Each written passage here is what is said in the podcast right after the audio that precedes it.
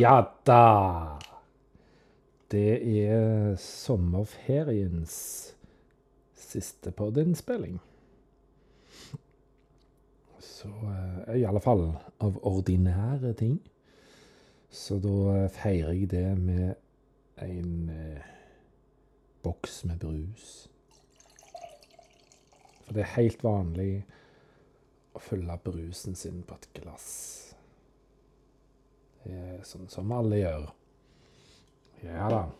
Det er sånn brus og skummer fryktelig mye. Ja. Det er jo gøy når eh, Når en eh, møter noen som gir en eller annen form for tilbakemelding på podden. Og den gikk sånn stort sett som følger. Jeg prøvde meg på noen episoder, men jeg forsto ikke helt hva du snakka om. Var vel helst dialekten. Og så lagde du en lyd som var litt irriterende. Og den lagde jeg jo mye mer tidligere. Jeg merker det jo sjøl at jeg gjorde det. Dialekten tror jeg det er best at jeg holder meg til, for uh, mange blir så lett uh, hårsåre eller noe i den gata av at en prøver å gjøre en annen dialekt enn sin egen. Og iallfall hvis du gjør noe som ligner deres dialekt, så blir det ofte sånn Prøver du å gjøre min? Du klarer ikke det. Altså Ikke gjør det. Nei. Men da må en gjerne bare godta at noen hører ikke denne podkasten. De aller, aller fleste i verden gjør jo ikke det. Det fine er at akkurat du som lytter på dette nå, er jo one of the chosen ones, ja. Så du er jo helt spesiell. Sammen med kanskje noe Jeg vet ikke tallet. Kanskje ti andre? 20 andre? Jeg vet ikke. Men hver og en av dere herlige mennesker som faktisk tar seg tid og gir oppmerksomhet Det er de to største ressursene vi har. Tid og oppmerksomhet. Til å høre på denne rare dingsen her. Tusen takk. Syns det er spennende at du gjør det valget i livet. Eh, jeg vet ikke hvordan jeg merker om du gjør det, for jeg tjener ikke penger på det. Da hadde jeg gjerne merka noe. Da hadde jeg hatt grunn til å si takk. Men jeg kanskje haha, for å snu litt på perspektivet Kanskje du er glad for at du lytter på han, da? Jeg vet ikke, jeg. Det hørtes jævlig pompøst ut. Anyways uh, Har vært uh, syv-åtte veldig interessante dager. Nå er det fredag 11. august. Og fredag 4. august var spesiell, i positiv forstand. Lørdagen ble rolig. Søndagen var en sinnssykt interessant dag. Og han ble veldig fin og ekstra god på grunn av at hele dagen var uten bruk av telefonen, for den var i flymodus. Og ei heller hadde jeg klokka på meg, altså Apple Watchen.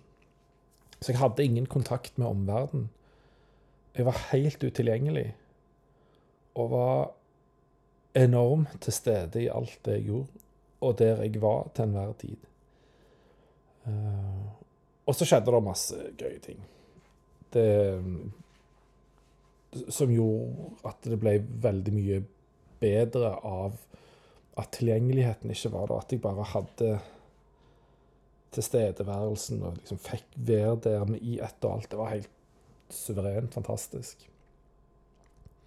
Det var søndagen, og mandagen da dro jeg jo inn til Mo, Mo in the Rain, uh, for å hente mitt moderlige opphav, som da ble her til torsdag. Onsdagen ble en meget morsom dag etter hvert. Den starta jo veldig fint. Koselig dag. og Livlig over Trænfjorden. Og så tilbake igjen femretters på hotellet, og så eh, livlig eh, stemning etterpå. Torsdag frakta mor tilbake over fjorden til flyplassen, og så ja, flyplassrot. Bla, bla, bla. Nå er det fredag. Så viser det seg at dette var dagen jeg fant det for godt å begynne å arbeide med egentlig fjerde bok, men iallfall tredje boka som eh, jeg lager sjøl. Ikke bare innhold, men selve boka. Eh, og som blir til mens jeg er her oppe. Eller mens jeg bor Eller har bostedsadresse, da, heter det. Her på Loven. Skål.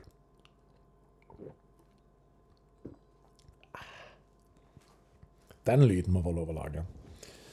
Det er bare en um, koselig liten nytelseslyd. Så uh, de siste syv-åtte dagene har egentlig gitt en mulighet til å lære noe av helt uh, i samme gate som ting som skjedde tidligere. Sånn, altså liksom allerede muligheten til å lære noe av det. og Bare tenke nå skal vi ikke gå de samme banene, prøve å rette opp i noen ting, og så går det egentlig helt greit.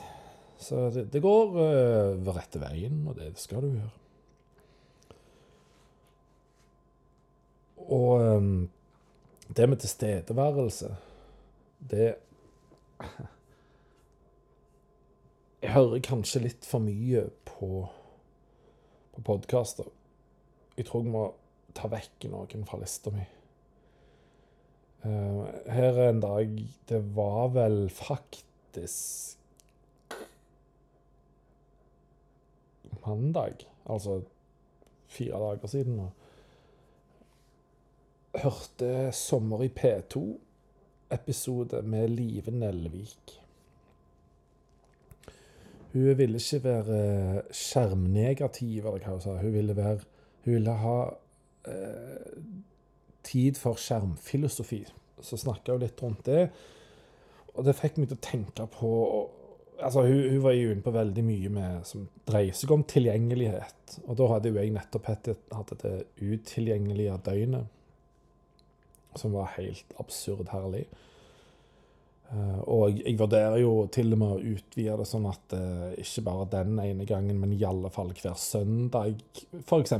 Altså hele, et helt døgn i uka fra jeg legger meg på kvelden til jeg står opp ikke neste morgen, men påfølgende morgen der igjen, at jeg uh, faktisk er helt avkobla.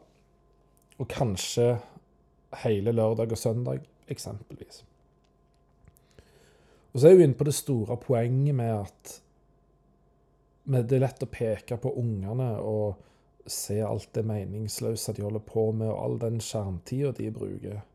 Men bli bevisst heller din egen skjermtid, og se hvor lett en sjøl trekker opp skjermen. Hvor lite som skal til for at du trekker den opp, da.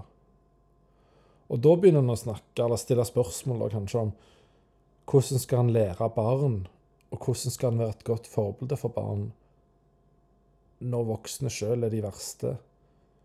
Så det er lett å sitte og høre på den superbra episoden med, eh, med 'Sommer i P2' med, med Liven Helvik og, og, si at det er kjempebra, det hun sier. Hun har mange gode poeng, og jeg er enig med henne.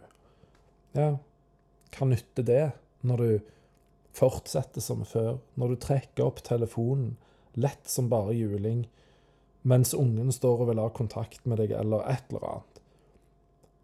Når du sjøl lett henfaller til skjermen som et voksent menneske.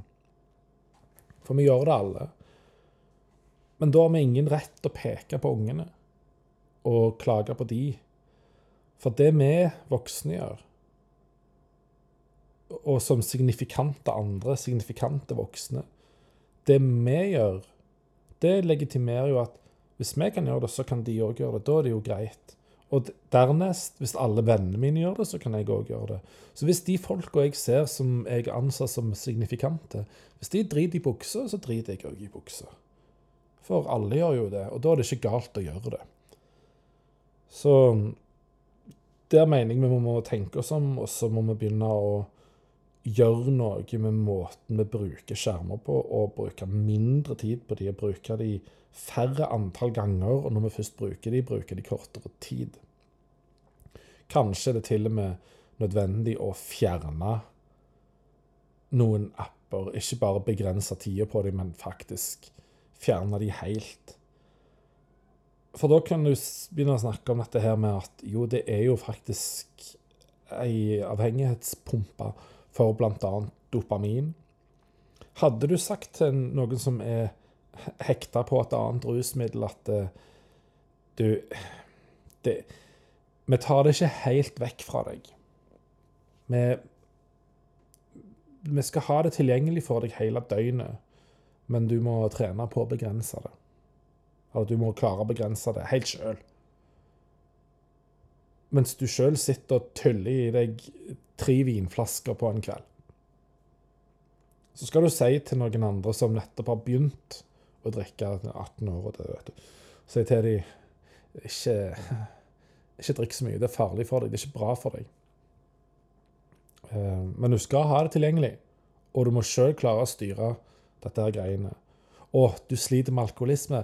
Ja, men det var dumt. Bare finn ut av det. Nei, vi har ikke sjanse til det. Da, må, da blir det absurd plutselig å si at eh, Nei, vi kan ikke ta fra deg dette rusmiddelet du har. Jo, det er faktisk nettopp det du må. Hvis du har en eller annen, kall det en diagnose, da, som gjør at eh, OK, si det er ekstrem nøtteallergi så kan du ikke bare si jo, men begrens det litt. Bare sett at du gjør det så spiser ett gram til dagen, da. Jo, men jeg kan dø av det, jeg. Fordi at jeg har sinnssyke nøtteallergi. En helt drøy en som gjør at jeg bare hører ordet nøtt, så holder jeg på å daue. Hvordan skal jeg begrense det? Jeg må, eller jeg kan ikke begrense det, jeg må bare si stopp. Ja, sånn er det med enkelte apper òg. Og for noen Eh, gjelder det faktisk en mobiltelefon. Det gjelder faktisk i utvida forstand eh, skjermer. Og da mener jeg ikke bare en, en håndholdt skjerm eller en laptop, men òg en TV-skjerm. Og til og med faktisk et kinolerret. For noen blir så overvelda av skjermer spesielt med innhold som raskt endres. Et maleri er jo en skjerm, det òg. Det er bare en statisk skjerm. Det er ikke noe um, bevegelse i det. Men idet du begynner å scrolle, så har du bevegelse i det. Har du animerte bilder, bla, bla, bla, så er det bevegelse i det. Motion picture, altså bilder som ikke står i ro.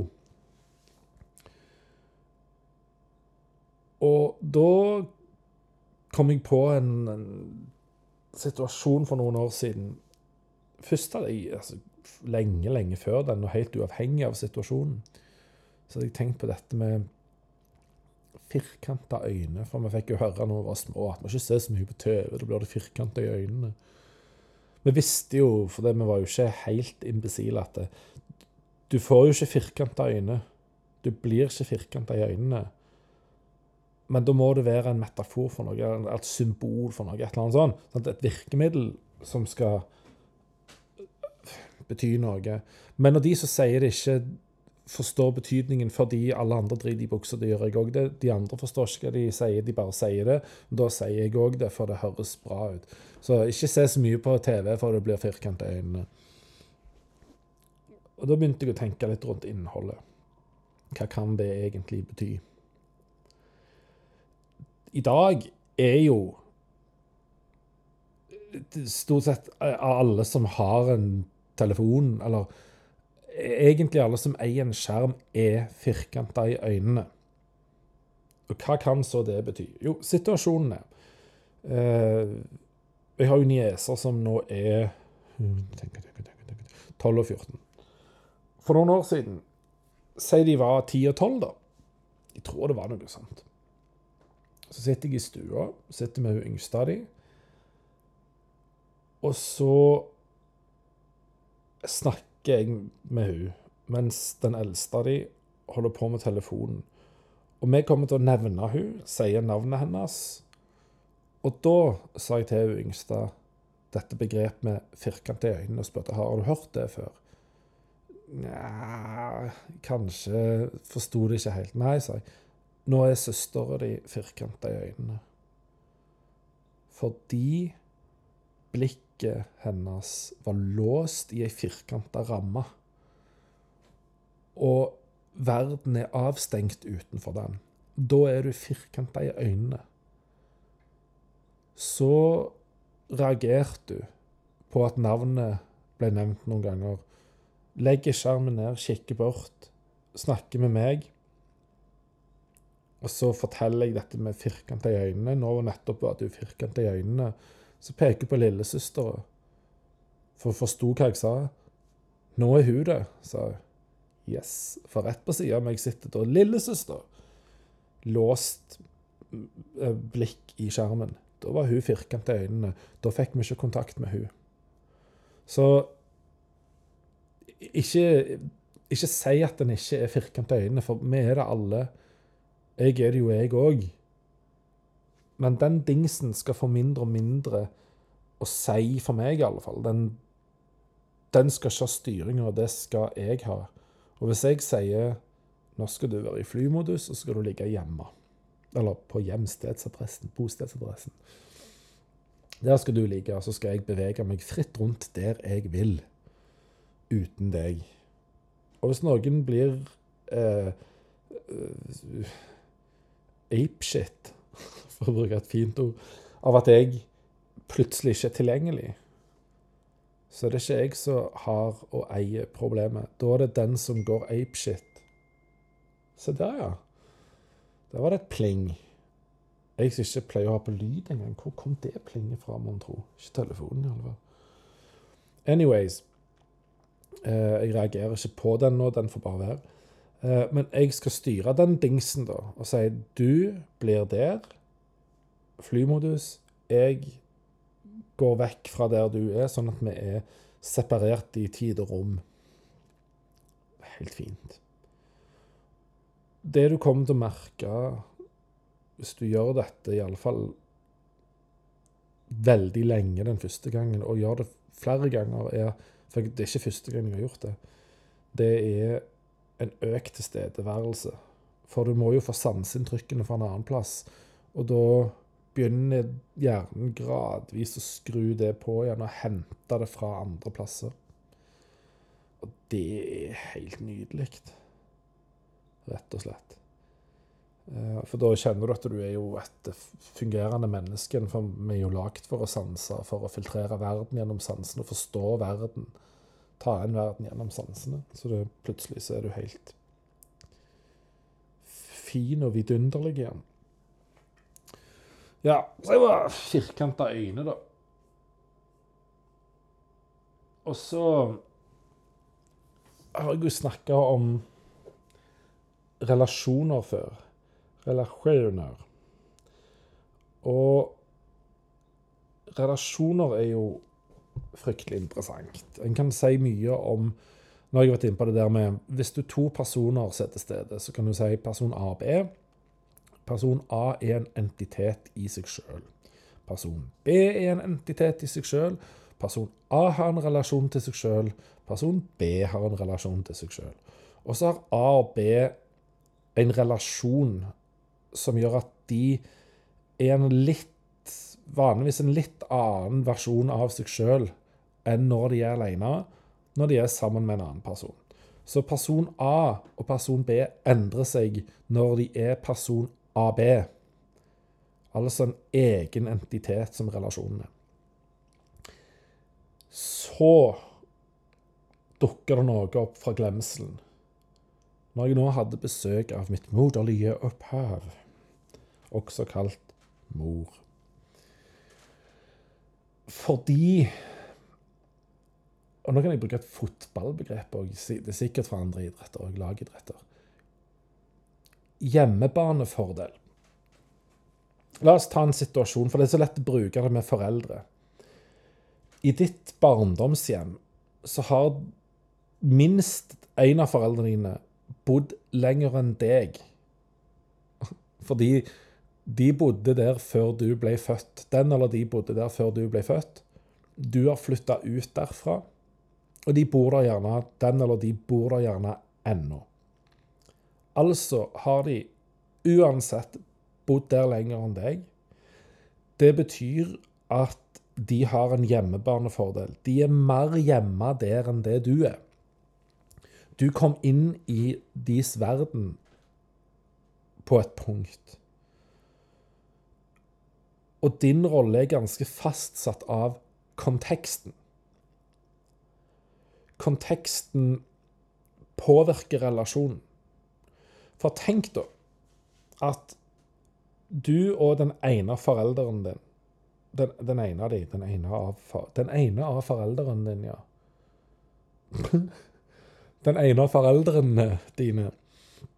Du og den er mutters alene i ditt barndomshjem. Resten av familien, altså den andre forelderen pluss eventuelle søsken, er long gone i tid og rom. La oss si de er i Australia, for det er ganske langt vekk.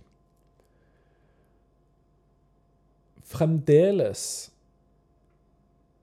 så har den forelderen din hjemmebanefordel, og det vil påvirke relasjonen og dynamikken i relasjonen. Det vil påvirke faktisk I verste fall, vil jeg si, eller kan, jeg, jeg tror i verste fall Påvirke din egen relasjon til deg sjøl fordi du er i den konteksten.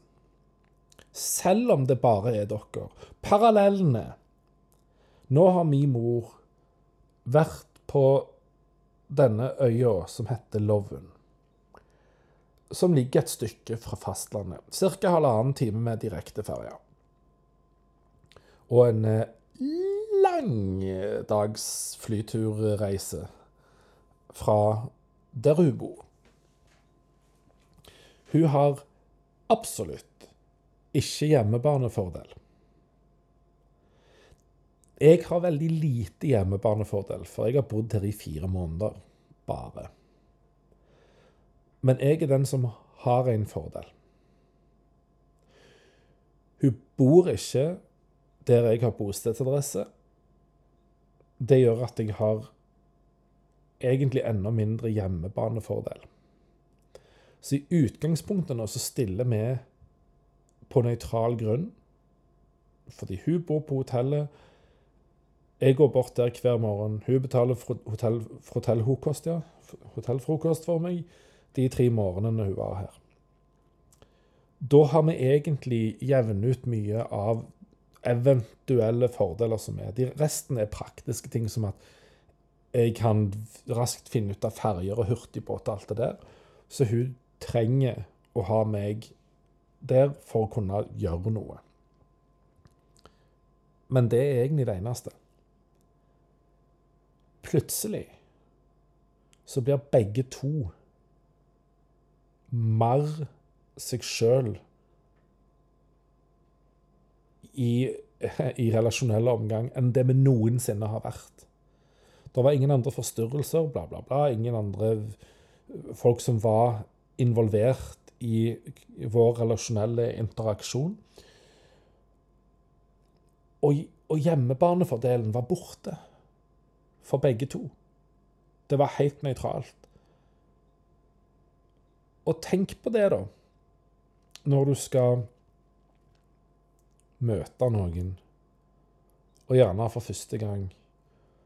Hvorfor i alle dager er det en fordel med en date, som mange holder på med? At den er på en plass som er nøytral. Det er gjerne ikke sånn at en inviterer noen hjem til seg sjøl, eller en blir invitert til den andre på første date. Det skjer ofte i en setting der ingen av de involverte har en hjemmebanefordel. Fordi da kan du mer være deg sjøl. OK, sett at det var én date. Nå bare karikerer jeg det. Én date. Det går fint. Kjempebra. Begge to er seg sjøl. Slapper helt av. Du kommer fram sånn som du er, og alle de fine sidene med deg og med den andre personen. Det samme skjer der.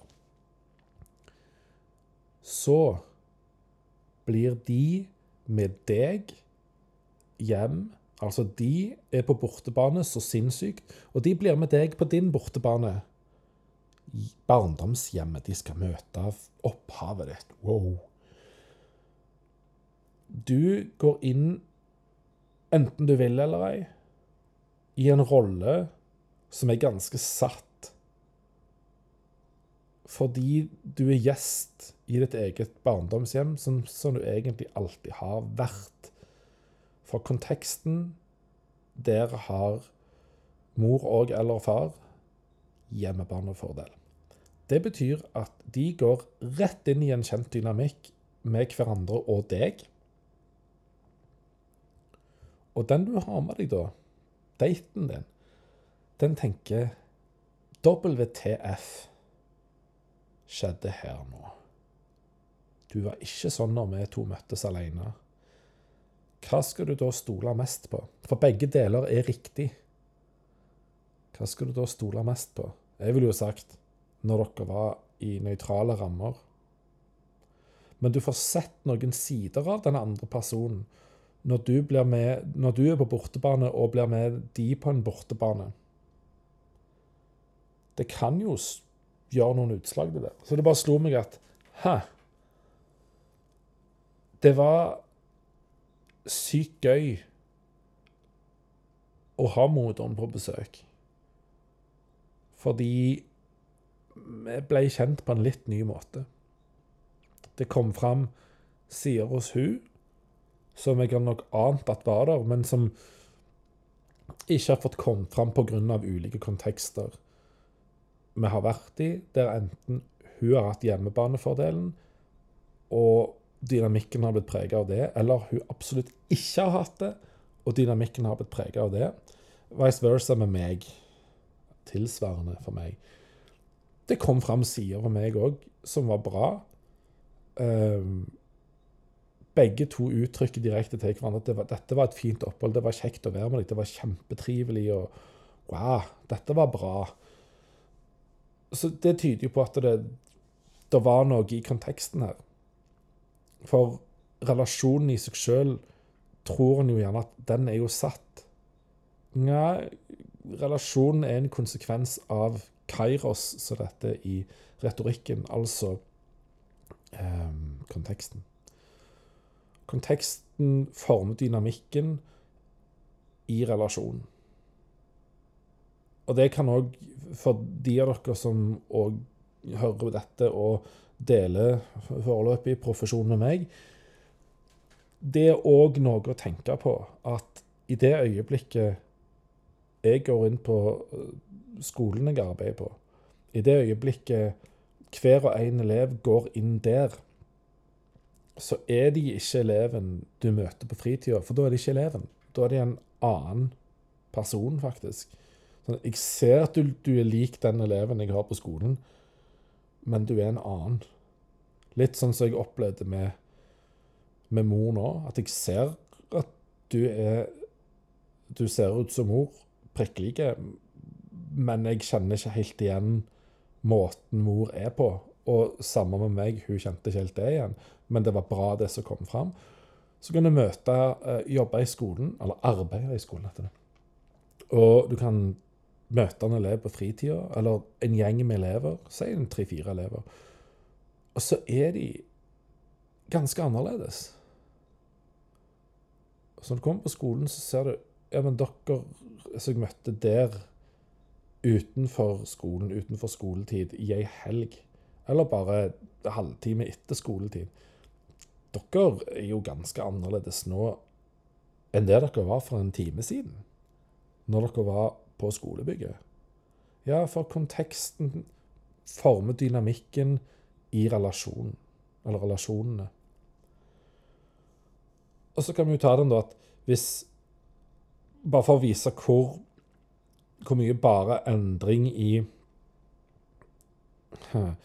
relasjoner utgjør i en gitt kontekst. Nå, nå sier vi at konteksten er satt. Du er person A.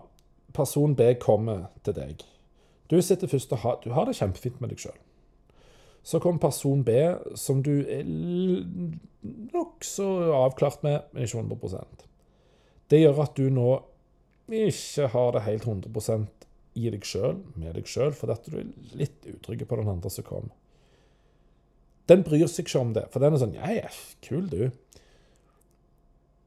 Men dere har ikke kjent hverandre så lenge, og den har, liksom, den har sine grunner til å gjerne ha et eller annet som den reserverer seg Ikke reverserer, reserverer seg med. Um, så det den var før den møtte deg, blir endra av at den møter deg. Du hadde det fint med deg sjøl før du møtte den, men fordi du nå møtte den, så er det, det er du nå en litt annen. Summen av dette er relasjonen AB. Du er A, den andre B. Så kommer jeg til dere. Og jeg kjenner deg ganske godt. Og B kjenner jeg òg nokså godt. Men gjennom helt andre kan si, kanaler, da, enn det jeg gjør med deg. Og eh, varigheten i vår relasjon er større enn varigheten i relasjonen til B. Det betyr du og jeg har en relasjon. Du og B har en relasjon, altså AB, AC. Men jeg òg, bare fordi at jeg er der med den personen, samme hvor om det er første gangen vi møtes, så har vi en relasjon uansett. Så BC er òg en relasjon. Og så er hver av oss A, B, C er hver sin. Så nå har jeg sagt seks stykker, og så har jeg ennå ikke tatt med summen. Totalrelasjonen ABC. Så når det er tre stykker til stede, så er det egentlig syv entiteter, kan vi si syv bindinger eller et eller annet, hva en vil. Syv relasjoner, egentlig. Og det Mulighetene i de relasjonene, i alle de syv relasjonene, er påvirka, og dynamikken er påvirka av hva kontekst er i. For hvis det er person B som har hjemme, hjemmebanefordel, så har det noe å si for AB-relasjonen, BC-relasjonen, for B i seg sjøl, for ABC-relasjonen, og til og med for A og B Nei, til A og C i seg sjøl, og AC. Alt vil bli påvirka av at person B har såkalt hjemmebanefordel. Så det er ganske interessant. Da kan en si at atferd er summen av relasjon og kontekster. Hm. Det skjer mye løye på denne øyen. Denne l-øyen. Den var jo løyen. Og så slo det meg én ting til. Og det Det sa jeg faktisk i en samtale først med mor når hun var her, og siden med min søster. Og det er lett å høre feil. For nå kommer det store, skumle ordet kort, men stort og skummelt for mange død inn. Og det å si at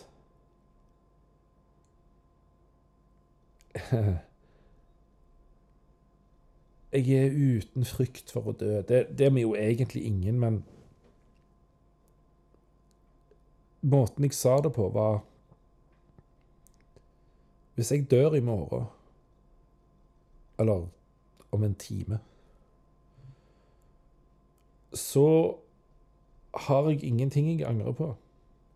Jeg dør på en måte på topp, og faktisk på en eller annen måte på topp. Um, fordi jeg Alt som skjer nå, er bare bonus. Nå er, nå er resten er bare selvrealisering. Altså, kan det være det dukker opp en krise, så må jeg bygge opp alt på ny.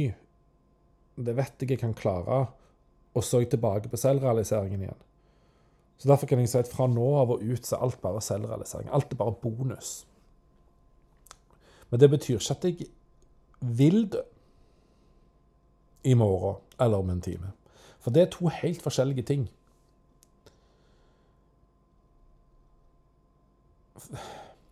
Hvis du vil dø, så har du ikke lyst til å gjøre mer.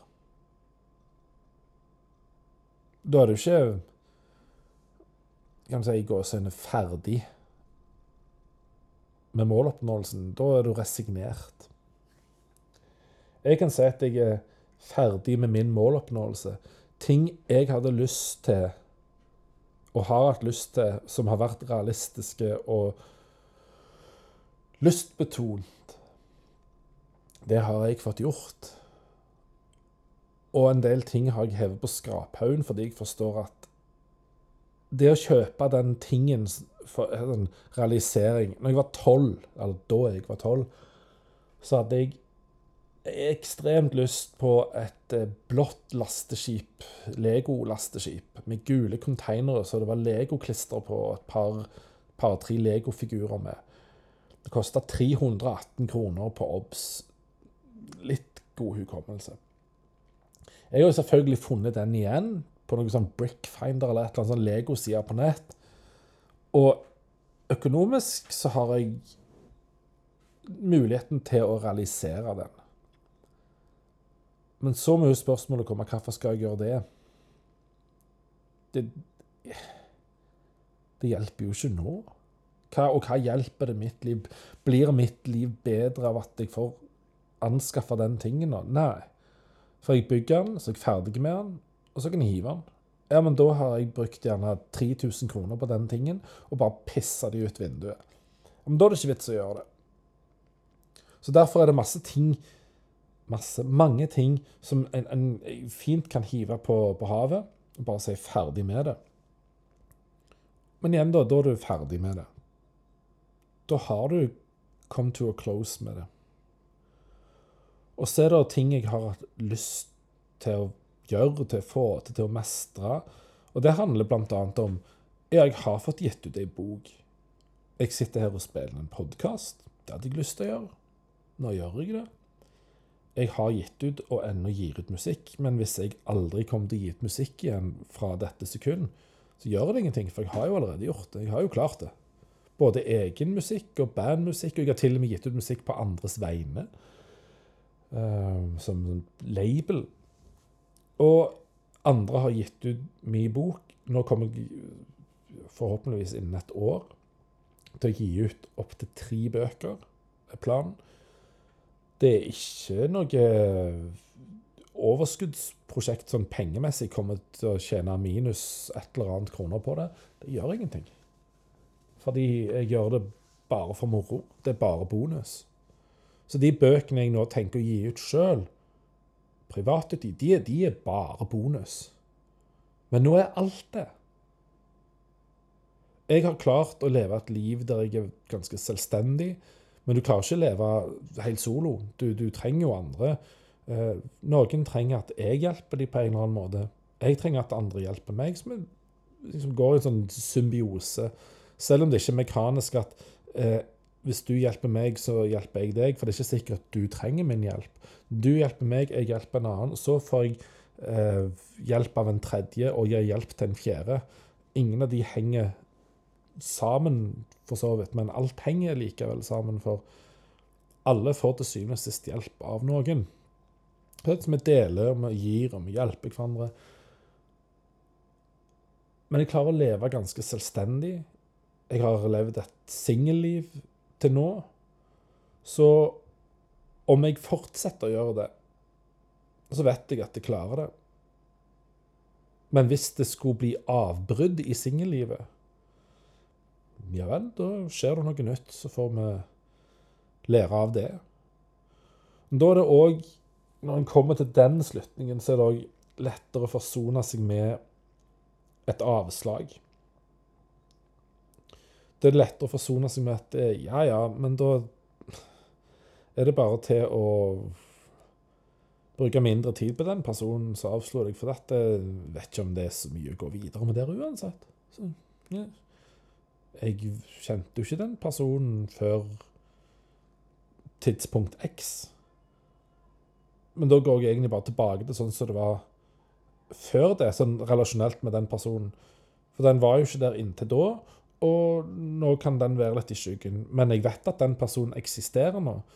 Jeg har ikke interesse av å være vrang og drit med den personen, men bare eh. Sånn, så Der kjenner jeg at jeg har kommet til et punkt der jeg er ikke redd for om livet skulle være over, da. Plutselig. For det at jeg har oppnådd det jeg ville. Og er fornøyd med det jeg har klart å oppnå. Og det gjør ikke nødvendigvis mitt liv bedre om jeg besøker et eller annet land eller et sted, hvor nå det måtte være. De fleste sted er jo i et land. Men det gjør jeg, det gjør ingenting fra eller til om jeg får spist en femretters middag på en god restaurant i Paris. Så kan jeg ta bilder av det og vise til folk. Ja, men hva, hva hjelper det? Har jeg det bedre? enn når jeg bruker de tilsvarende penger på å kjøpe en eh, retro Lego-dings, eller om jeg eh, legger av masse penger eller opp et stort, stor gjeld på å kjøpe et Steinway-flygel.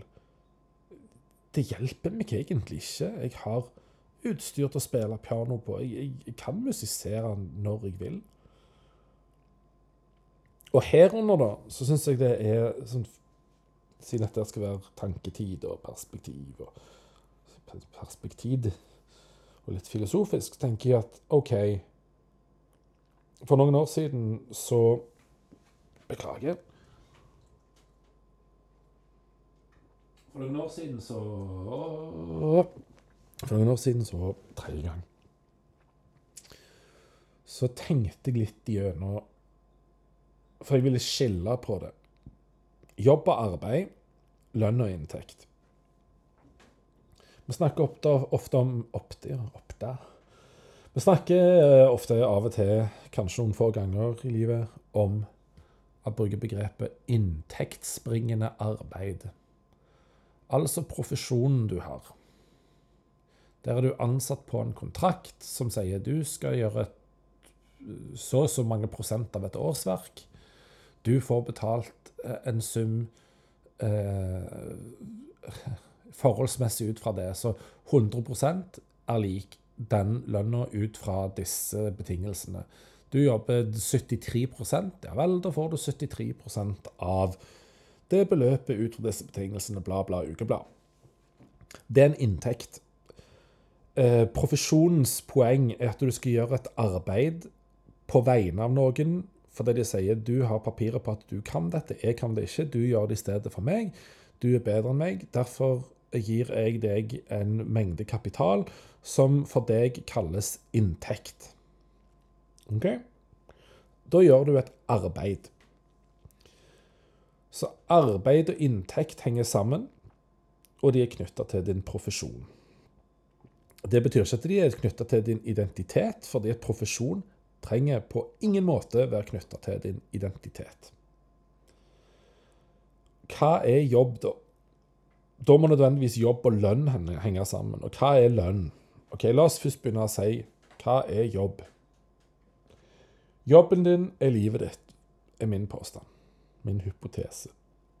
Akkurat som den andre hypotesen er eh, Profesjonen gir deg et arbeid, eller er arbeidet ditt, og det gir deg en inntekt.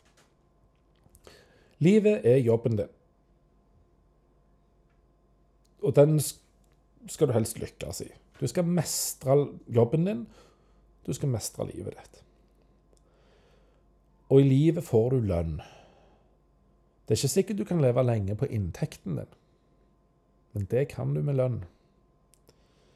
Og lønn kan du gjerne kalle for en eller annen form for bekreftelse.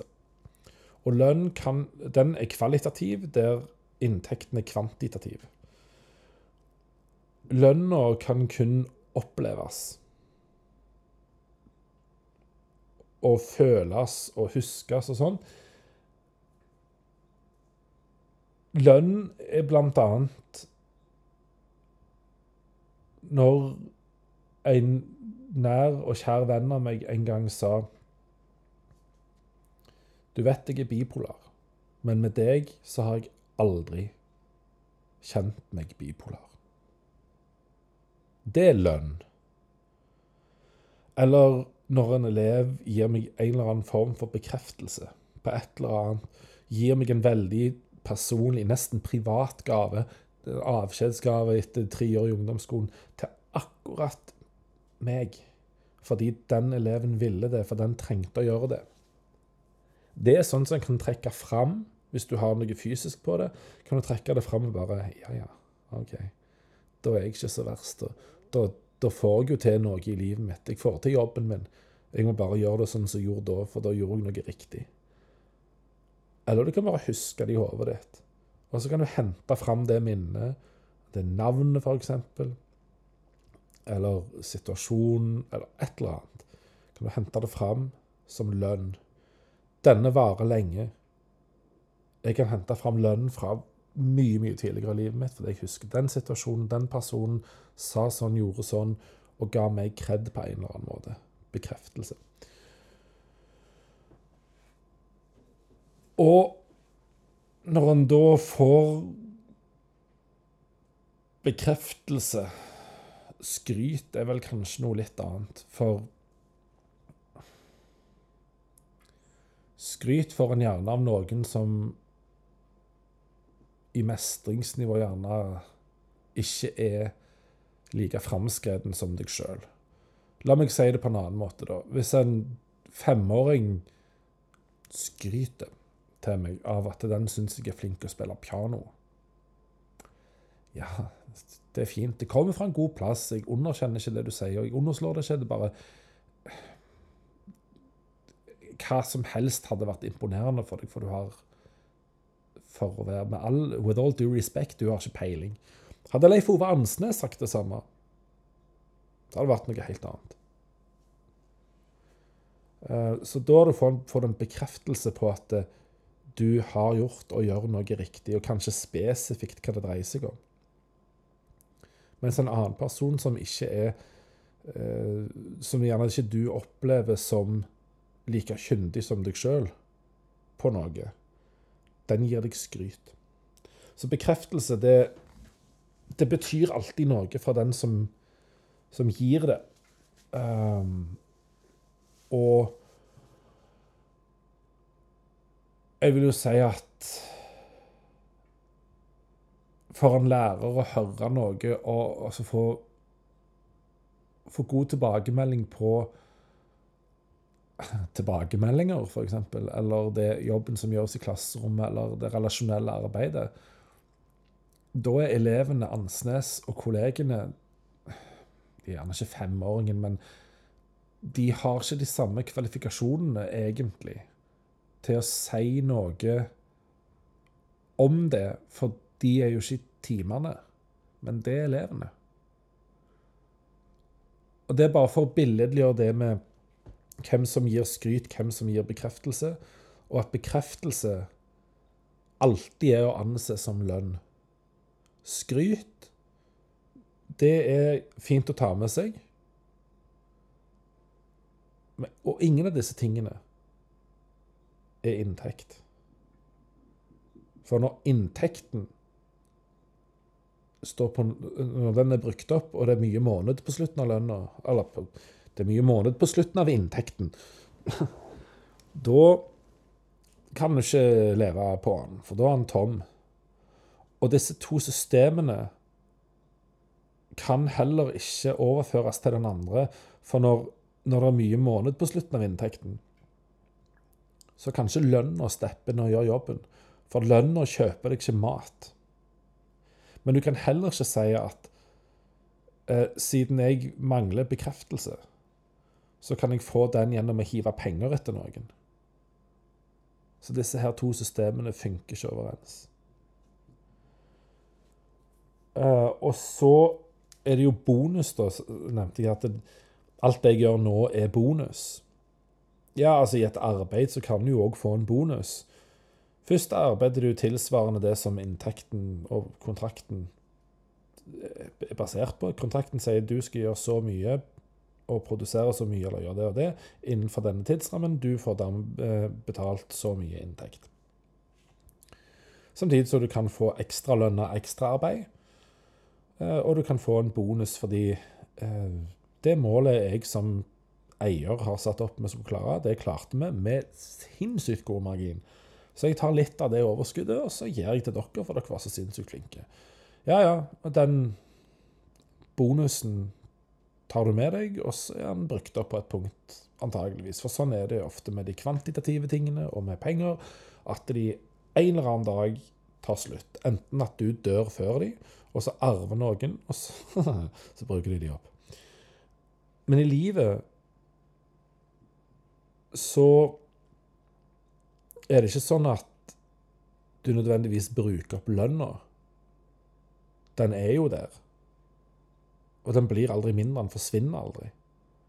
Men kanskje betydningen av lønna falmer litt. Men da får du gjerne påfyll. Og så kommer du til et punkt der hvis du sier at alt det du gjør i livet som gir mening så, Så gir livet deg lønn da, når du gjør de tingene. Sånn som når jeg gir ut musikk, spiller en konsert eller lage en podkastepisode. Sånn, det gir livet mening. Da får jeg lønn. Eller eller gjør i alle fall Jeg gir egentlig meg sjøl lønn, da. Fordi jeg gjør noe meningsfullt. Jeg har det fint. Bla, bla, bla. bla. Dette er veldig ferskt formulert som et perspektiv, altså. Eh, så når, si, når lønna er innkassert, når folk har gitt meg tommel opp på at um, det jeg gjør som gir meg mening, at det var bra. At de likte det. Men Øy, bekreftelse. De hadde ikke trengt å si dette. Uh, og jeg opplever det ikke som skryt, jeg opplever det som bekreftelse. OK, kan jeg si. Da har jeg fått det på skriving. Jeg har fått det på podkast. Jeg har fått det på musikk. Jeg har fått det som person. Ja vel. Da Da er lønna innkassert, kan du si. Da Nå er vi over i bonusen. Hvis det skulle skje at noe jeg ikke tenker så mye på, skulle bety veldig mye for noen andre, eller at noen liker det veldig godt Eller at noen har lyst til å avbryte min singeltilværelse ja, Hei! Wow! Bonus. Men det gjør ingenting om det ikke skjer. Så derfor jeg har ikke, jeg har ikke lyst til å dø. Jeg vil ikke dø. Men om det skjer, så gjør det ingenting. For at Se hva jeg har fått til. Kan jeg si til meg sjøl. Og, og, de som har gitt bekreftelse på det Ja, ja, da vet jeg at jeg har gjort noe riktig. Om så bare for én person. Men da har jeg gjort noe riktig, for det traff noen andre enn bare meg sjøl. Så nå har jeg kommet til livets bonusfase. Og ut fra forventa levealder så kan du si ja, nå er jeg i livets høst, for eh, jeg er i siste halvdel av livet. OK, men da inntraff for min del livets bonusperiode eh, ca. når jeg nådde eh, halvveis til forventa levealder for menn i Norge. Så ja. Jeg tror jeg kaller det for en uh, lepisode. Og så ser vi hva denne helga Ser jeg, i alle fall. Mm, mm, mm, hva denne helga bringer. Um, ja. Det blir gøy. Eh, artig opplevelse. Bonusopplevelse. Der kom det. Sist gang jeg brukte symaskin jeg, var jeg elev i grunnskolen. Maks senest i åttende klasse, som nå tilsvarer niende. Og så er det jo at en ønsker å være litt bærekraftig. Så hadde, har jeg da ei jøggebøkse som eh, hadde fått seg en liten flenge bak i røven. I sømmen der så tenkte jeg eh, Hvorfor skal jeg bruke penger på å kjøpe meg en ny jøggebukse, når jeg allerede har ei som det går an å sy nede på Kontroll Makerspace her på Løven. Jeg gikk ned der eh, egentlig et annet ærend, men når jeg først var der, så spurte jeg han som driver plassen Død, symaskin. Vet du hvordan den funker? Ja da. Han viste. Så du trer sånn og sånn, gjør det og det, og spoler sånn, bla, bla, bla. bla. OK. Jeg husker sånn roughly de bruddstykkene jeg trenger, og kan sy det sammen Haha, no pun intended, faktisk. Og klare å sy eller sette det sammen da, til uh, noe jeg er i konteksten igjen. Mm -hmm. Kontekst, ja. Så var jo Maur her. Berlinmoren, Berlinmauren. Så jeg sier du, eh, nå som du er, gidder du å være med ned som eh, litt assistanse? Eh, for jeg har tenkt å sy den her eh, nydelige jøggebøksen som har fått en flenge i røven. Ja, er med hun. Og så kommer hun med bare noen sånne innskytelser. Ja, eh, pass på det, sånn og sånn. OK. Og så ja, må du gjøre sånn når du skal begynne å sy først fram, og så litt tilbake, og så fram igjen for å feste altså, tråden og alt det der. Ja, gud. Så skjedde jo det Vidla, at jeg, jeg mestrer å sy. Bonus mestring. Deilig. Så da eh, var jeg bærekraftig og god. Jeg eh, sydde buksen så jeg nå kan eh, bruke ut igjen blant folk, uten at folk peker og ler og tenker he-he, han der raringen som nå har fjerna skjegget sitt, han går der med en flenge i røven på buksen, og så vet han ikke om det sjøl. Nå skjer ikke det, for nå har jeg fjerna flengen i røven, akkurat som jeg har på buksa, selvfølgelig. På samme måte som jeg har fjerna skjeggpryden, som nå skal få lov til å vokse seg ut igjen. Så får jeg se om det har kommet nye grå hår i den skjegg. Ja dette ble en episode. Da ønsker jeg alle og enhver en riktig fin dag slash kveld slash hva enn tidspunkt som ligger foran deg, ut fra hva tid du hører denne episoden. Takk for nå. Takk for meg. Tudelu!